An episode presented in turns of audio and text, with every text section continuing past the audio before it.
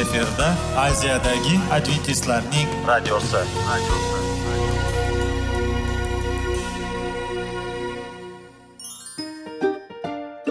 assalomu alaykum aziz radio tinglovchilar. Sog'liq daqiqasi rubrikasiga xush kelibsiz. Zero tananing sog'lom bo'lishi va uning kasalliklardan saqlash har bir insonning burchi hisoblanadi.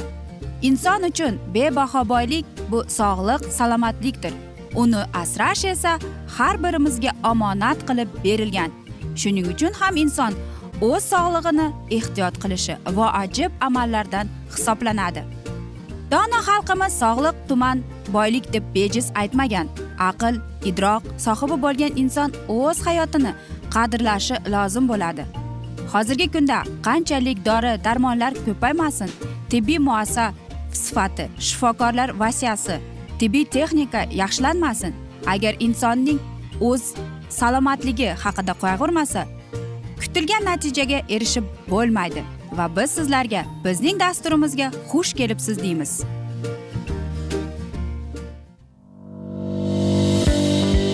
Sog'liq daqiqasi soliqning kaliti qiziqarli ma'lumotlar faktlar. Har kuni siz uchun foydali maslahatlar.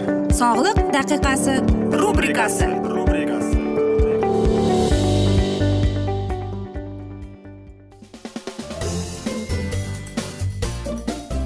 assalomu alaykum aziz radio tinglovchilar. Dasturimizga xush kelibsiz va biz sizlar bilan besh daqiqa sog'liq uchun deb atalgan dasturimizda xushvaqt bo'ling deb aytamiz. Va dasturimizni boshlashdan avval sizlarga aytib o'tmoqchi edikki agar dasturimiz davomida sizlarda savollar tug'ilsa bizga whatsapp orqali murojaat etsangiz bo'ladi. Plyus bir uch yuz bir yetti yuz oltmish oltmish yetmish. Va bugungi bizning dasturimizning mavzusi bu ovqatlanish deb ataladi. Agar ovqatlanish deb qarasak qarangki e, muqaddas kitobda doniyor kitobida shunday bir so'z borki u yerda yozilgan o'n kun deydi e, bu erkaklar deydi yigitlar ovqatlanmagan deydi. Ya'ni to'g'ri ovqatlanish ham eng muhim rolni o'ynab qolar ekan. Qanday deysizmi? Aynan davolashda deydi to'g'ri ovqatlanish muhim rolni o'ynab qolgan deydi. Muqaddas kitobda deydi ko'plab e, mana shunday hikoyalarni uchratamizki tangrim to'g'ri isroil xalqiga qanday ovqatlanish haqida qanday aytaylikki go'shtni iste'mol qilsa bo'ladi qanday mevalar sabzavotlarni iste'mol qilish bizga aytilgan.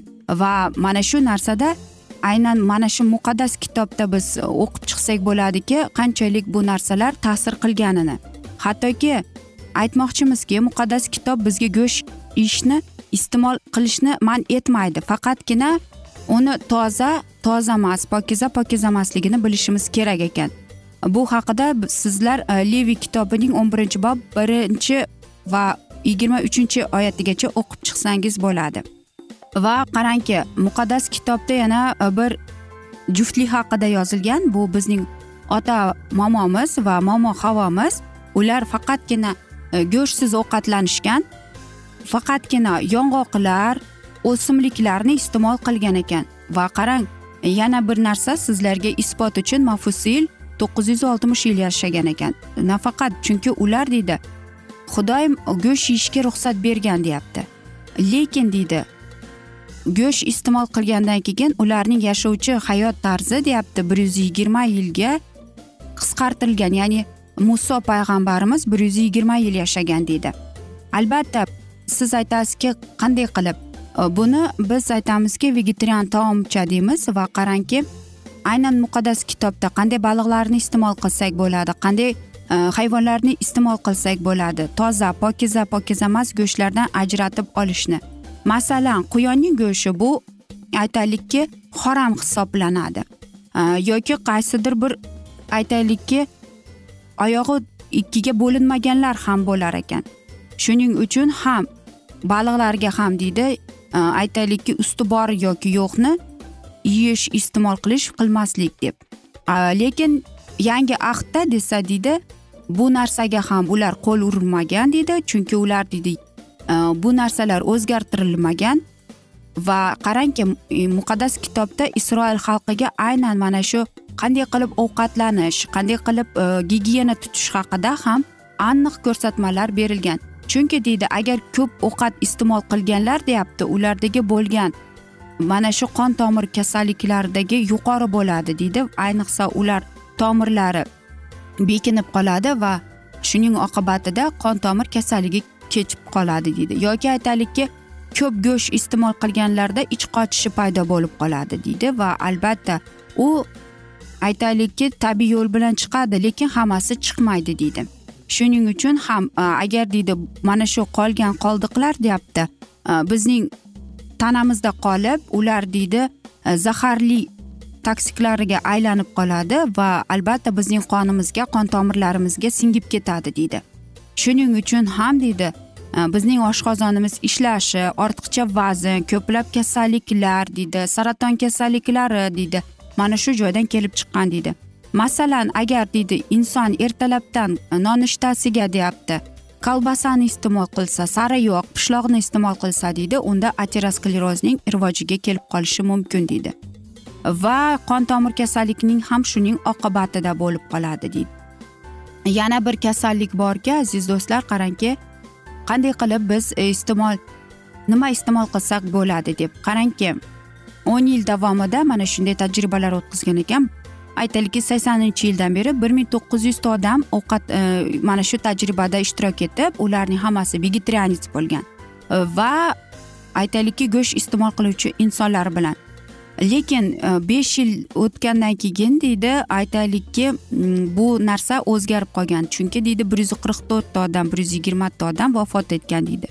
Va ikki yuz o'n beshta o'lim bo'lgan ikki yuz ellik beshta erkak o'lgan deydi. Bularning hammasi deydi ko'p e, go'sht iste'mol qilib e, kerak emas narsalarni iste'mol qilganining oqibatida va bularning hammasi deydi o'lim sababi bir bo'lgan deydi. Va siz aytasizki ha to'g'ri hozirgi zamonda ovqatlar haqida ko'plab narsalar yozilmoqda deydi. Lekin qanday aynan bizga kerak? Shuning uchun ham aytmoqchimizki o'zingizning turmush tarzingizga qarang. Siz nima ovqat iste'mol qilyapsiz? Sigaret chekasizmi yoki qahvadan keyin albatta tutagingiz keladi. Yog'li ovqat yeysizmi? Yoki aytaylikki siz bir haftada bir marta bo'lsa ham o'zingizga to'g'ri ovqat yeyishga harakat qilasizmi yoki yo'qmi? Jismoniy mashqlar bilan shug'ullanasizmi yoki yo'qmi?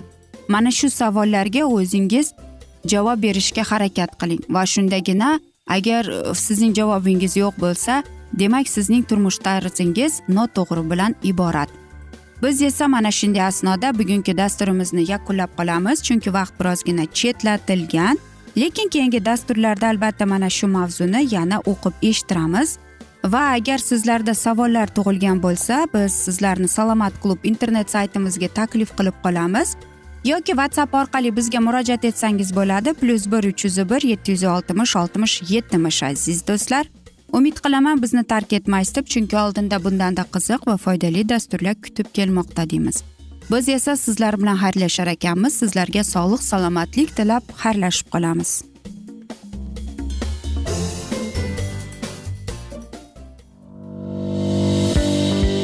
Sog'liq daqiqasi. Soliqning kaliti. Qiziqarli ma'lumotlar faktlar. Har kuni siz uchun foydali maslahatlar. Sog'liq daqiqasi rubrikasi.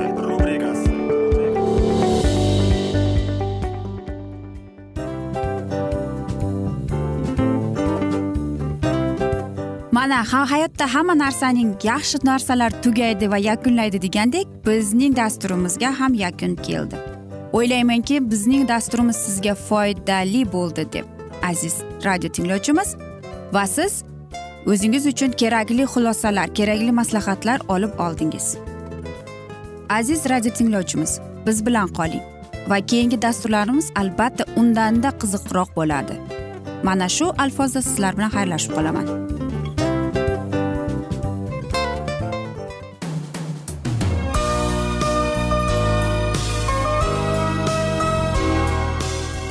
Efirda aziyadagi adventistlarning radiosi radiosi.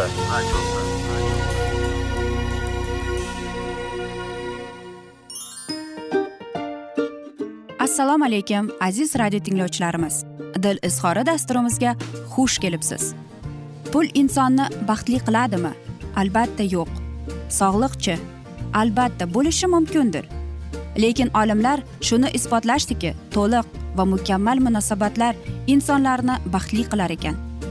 Albatta biz hayot davomida biz yaqin insonlar bilan odamlar bilan aloqada bo'lamiz va ular bilan munosabatlarimiz qanday kechadi qanday tuziladi? Yigit va qiz er va xotin ota ona va farzandlar va yaqin insonlar bilan balkim hozirgi vaqtda kimnidir hayoti yoki munosabatlari buzilyapti va bizning dasturlarimiz ularga yordam bo'ladi deb. Va oldinda sizlarni qiziqarli intervyular va mavzular kutyapti va biz umid qilamizki siz biz bilan qolasiz deb.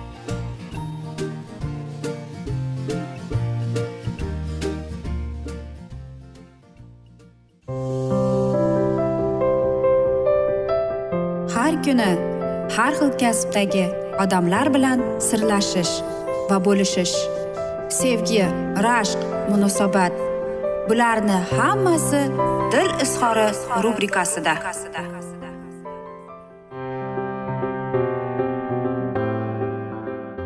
Assalomu alaykum aziz radio tinglovchilar dasturimizga xush kelibsiz va biz sizlar bilan ajoyib sevgi deb nomlangan dasturimizda xushvaqt bo'ling deb aytamiz. Va bugungi dasturimizning mavzusi xatoliklar deb ataladi. Bilasizmi er ham xotin ham umuman aytaylikki tinchgina bexotirjam muammolarga qaramaslik kerak. Aytaylikki shunday bir vaziyatlar bo'ladiki biz boshqalarning xatosiga ko'rsatamiz va albatta balkim bu sizdir. Lekin aziz do'stlar bu xatolikka qanday qilib biz o'zimizning turmush o'rtog'imizga masalan turmush o'rtog'imiz qandaydir bir xato qildi qanday ohangda qanday qilib unga aytishimiz kerak? Balkim boshqalar uning xatosini ko'rib turib ham aytolmayotgandir. Va albatta bilasizmi bejiz aytilmaganki er va xotinning dushmani u bir biriga bo'lgan dushmanidir. Chunki e, faqatgina er va xotin bir birining kamchiliklarini odatlarini bilib qoladi deydi. Shuning uchun ham e, bilasizmi ba'zi bir ayollar o'zining turmush o'rtog'ini tanbeh qilayotganda aynan mana shu aytaylikki e, o'zining eriga asabiga tegadigan gaplarni aytadi. Yoki aytaylikki shunday aytadi ehtiyotkorona shunday gaplarni aytadi erining aytaylikki g'ururiga tegib ketishiga. Va albatta bu qandaydir ma'noda bir noto'g'ri desak ham bo'ladi. Lekin aytaylik janjal bo'lib o'tgandan keyin siz mana shu so'zlarni aytib o'tganingizdan keyin vaqt o'tadi va siz qilgan xatoyingizni tushunasiz.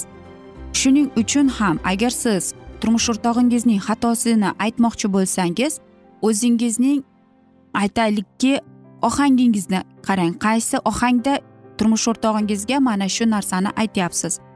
Aytaylikki siz turmush o'rtog'ingiz bilan ota onangizning oldida gaplashmang yoki shunday ohangda gaplashmangki xuddi siz yosh bolani e, so'kayotganday yoki urishayotgandek aytmang. U bilan shunday gaplashingki xuddi u sizning tengqo'ringiz va albatta shuni tushunishingiz kerakki sizning o'zaro munosabatlaringiz eng yuqori e, pog'onada turibdi. Shuning uchun ham agar bolalar bo'lsa oldingizda unda indamay qo'yaverganingiz yaxshi. Bir o'qituvchi aytaylikki turmush o'rtog'iga shikoyat qilibdi. U rus tilidan o'qituvchi va u aytibdi mening turmush o'rtog'im ma'naviyatsiz gaplashadi noto'g'ri gaplashadi debdi.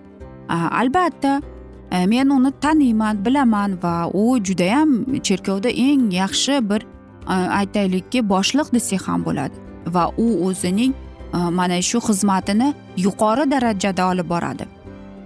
Lekin aynan men mana shu uning kamchiligini ko'rmasdim nafaqat men balki boshqalar ham ko'rmasdi.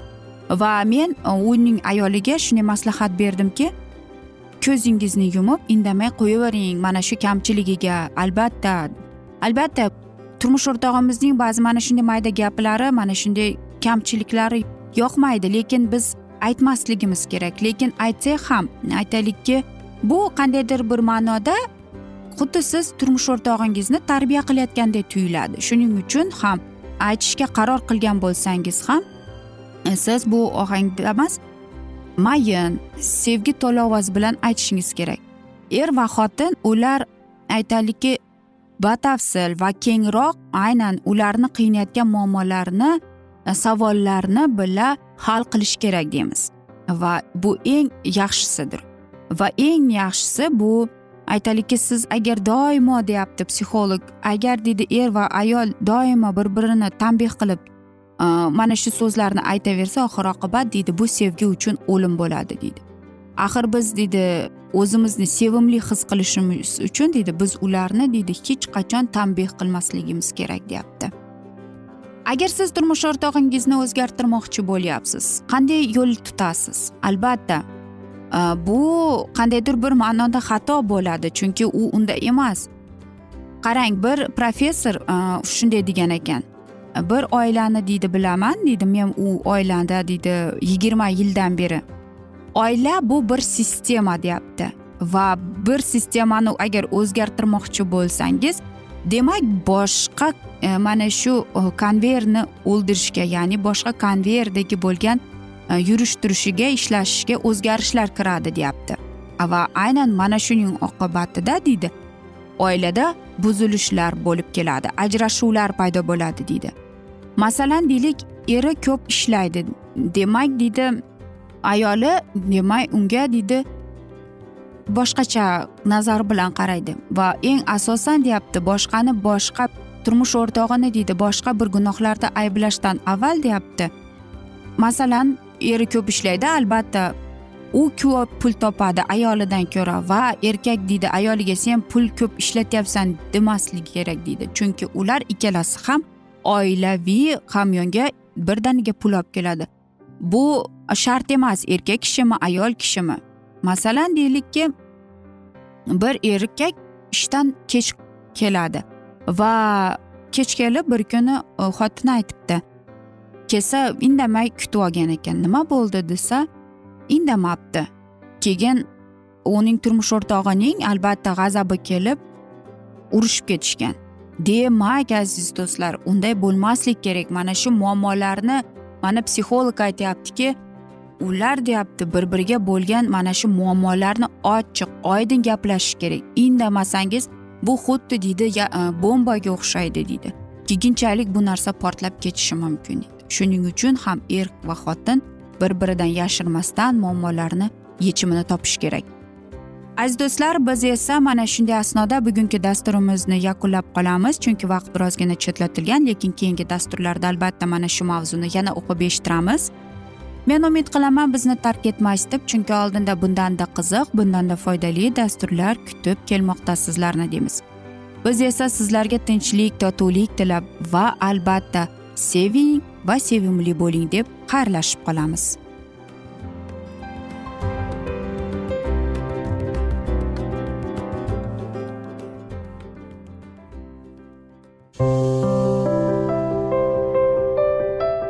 Har kuni har xil kasbdagi odamlar bilan sirlashish va bo'lishish sevgi rashq munosabat bularni hammasi dil izhori rubrikasida.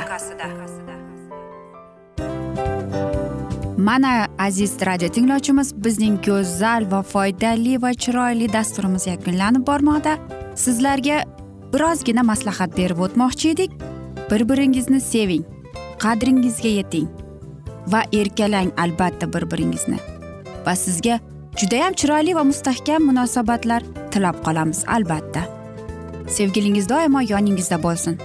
Mana shu borada sizlar bilan xayrlashib qolamiz. Xayr.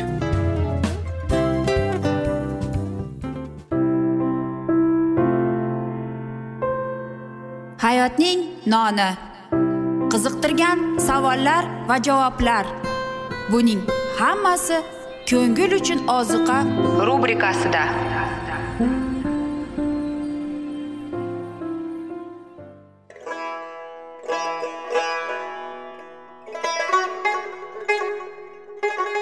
Assalomu alaykum aziz radio tinglovchilarimiz. Ko'ngil uchun oziqa rubrikasida xush kelibsiz deymiz. Siz haqiqatni izlayapsizmi? Olamnimi? Umidnimi? Siz kimga murojaat qilmoqchisiz? Odamlar ko'pincha siyosat kuchiga tayanadilar. Dunyo iqtisodiyoti holati tobora chuqurlashib bormoqda. Tabiiy ofatlar va texnogen halokatlar minglab insonlarning hayotini olib ketib juda katta zarar yetkazmoqda. Sizga abadiy hayot inomini hadya qiluvchi va hayotingizni tubdan o'zgartiruvchi haqiqatni izlab toping. Xudo haqidagi haqiqat uning kalomida mujassamlashgan. Kimki bu haqiqatni butun qalbi bilan izlasa albatta unga yetishadi. Bu sevgi xudoning tarixidir. Hayotingizda yoki sizning yon atrofingizdagi olamda nimalar yuz berishidan qat'iy nazar? Siz ertagi kunga buyuk umid va ishonch hosil qilishingiz mumkin. Hozirda xudo sizga taklif qilayotgan umid ishonchga o'z qalbingizni oching va sizni qiziqtirayotgan mavzularni savollaringizga javoblaringizni topib olasiz deb umid qilamiz. Biz bilan qoling.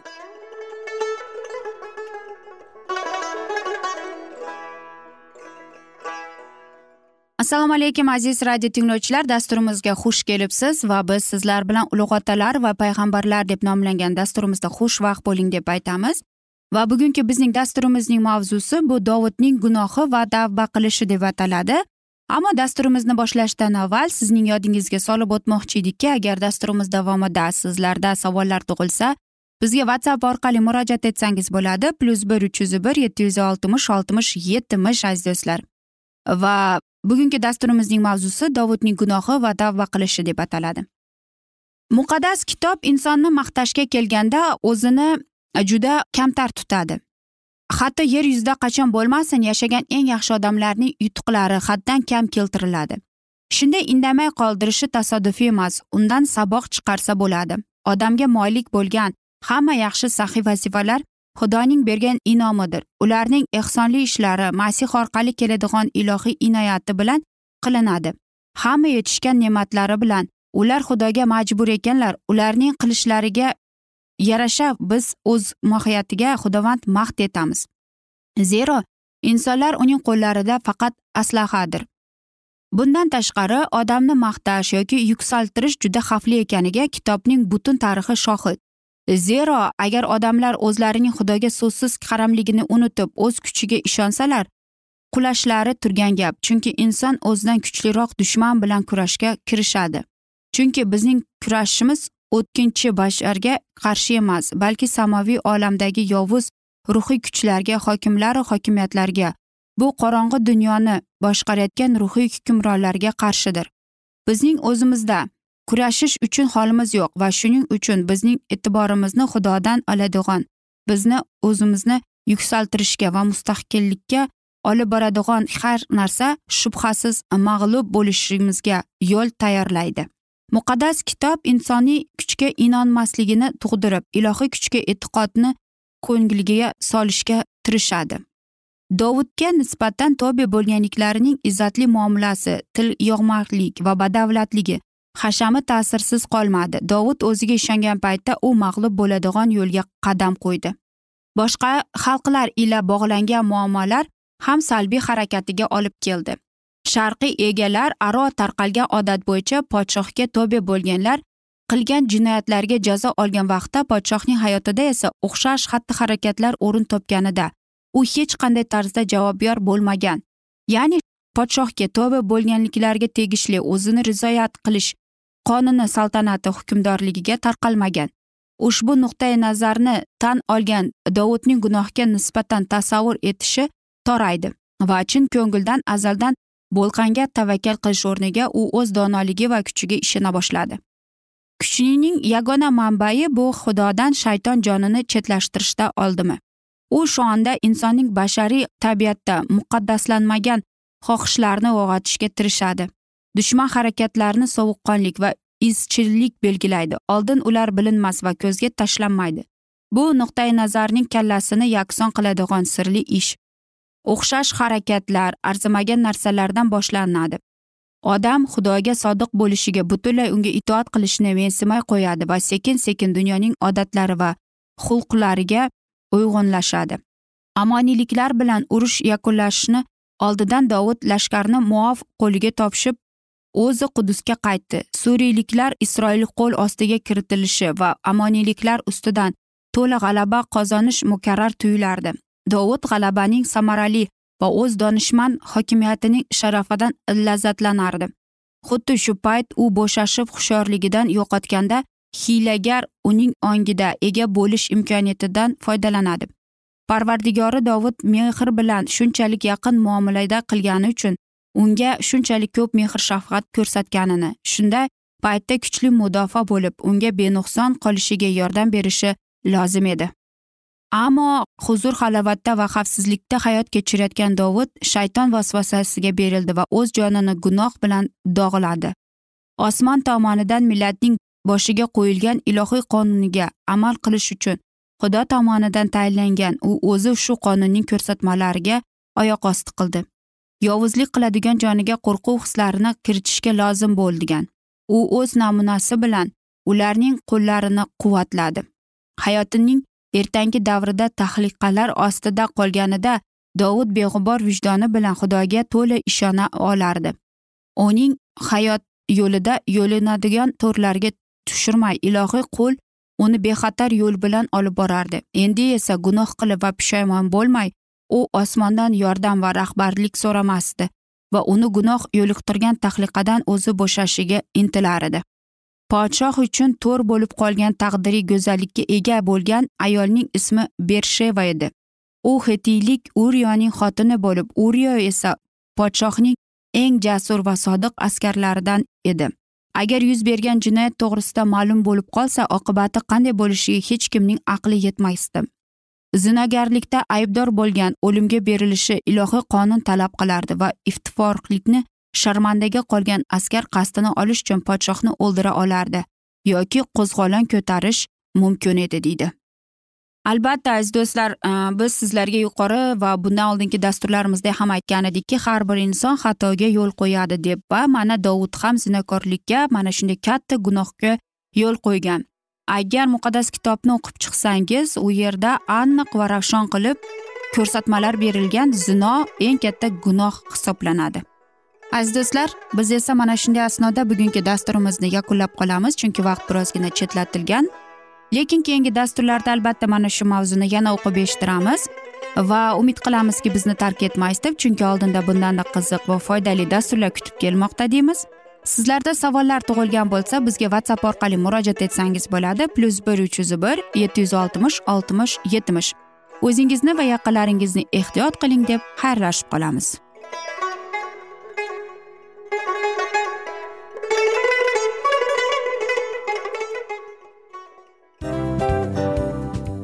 Afsus afsus.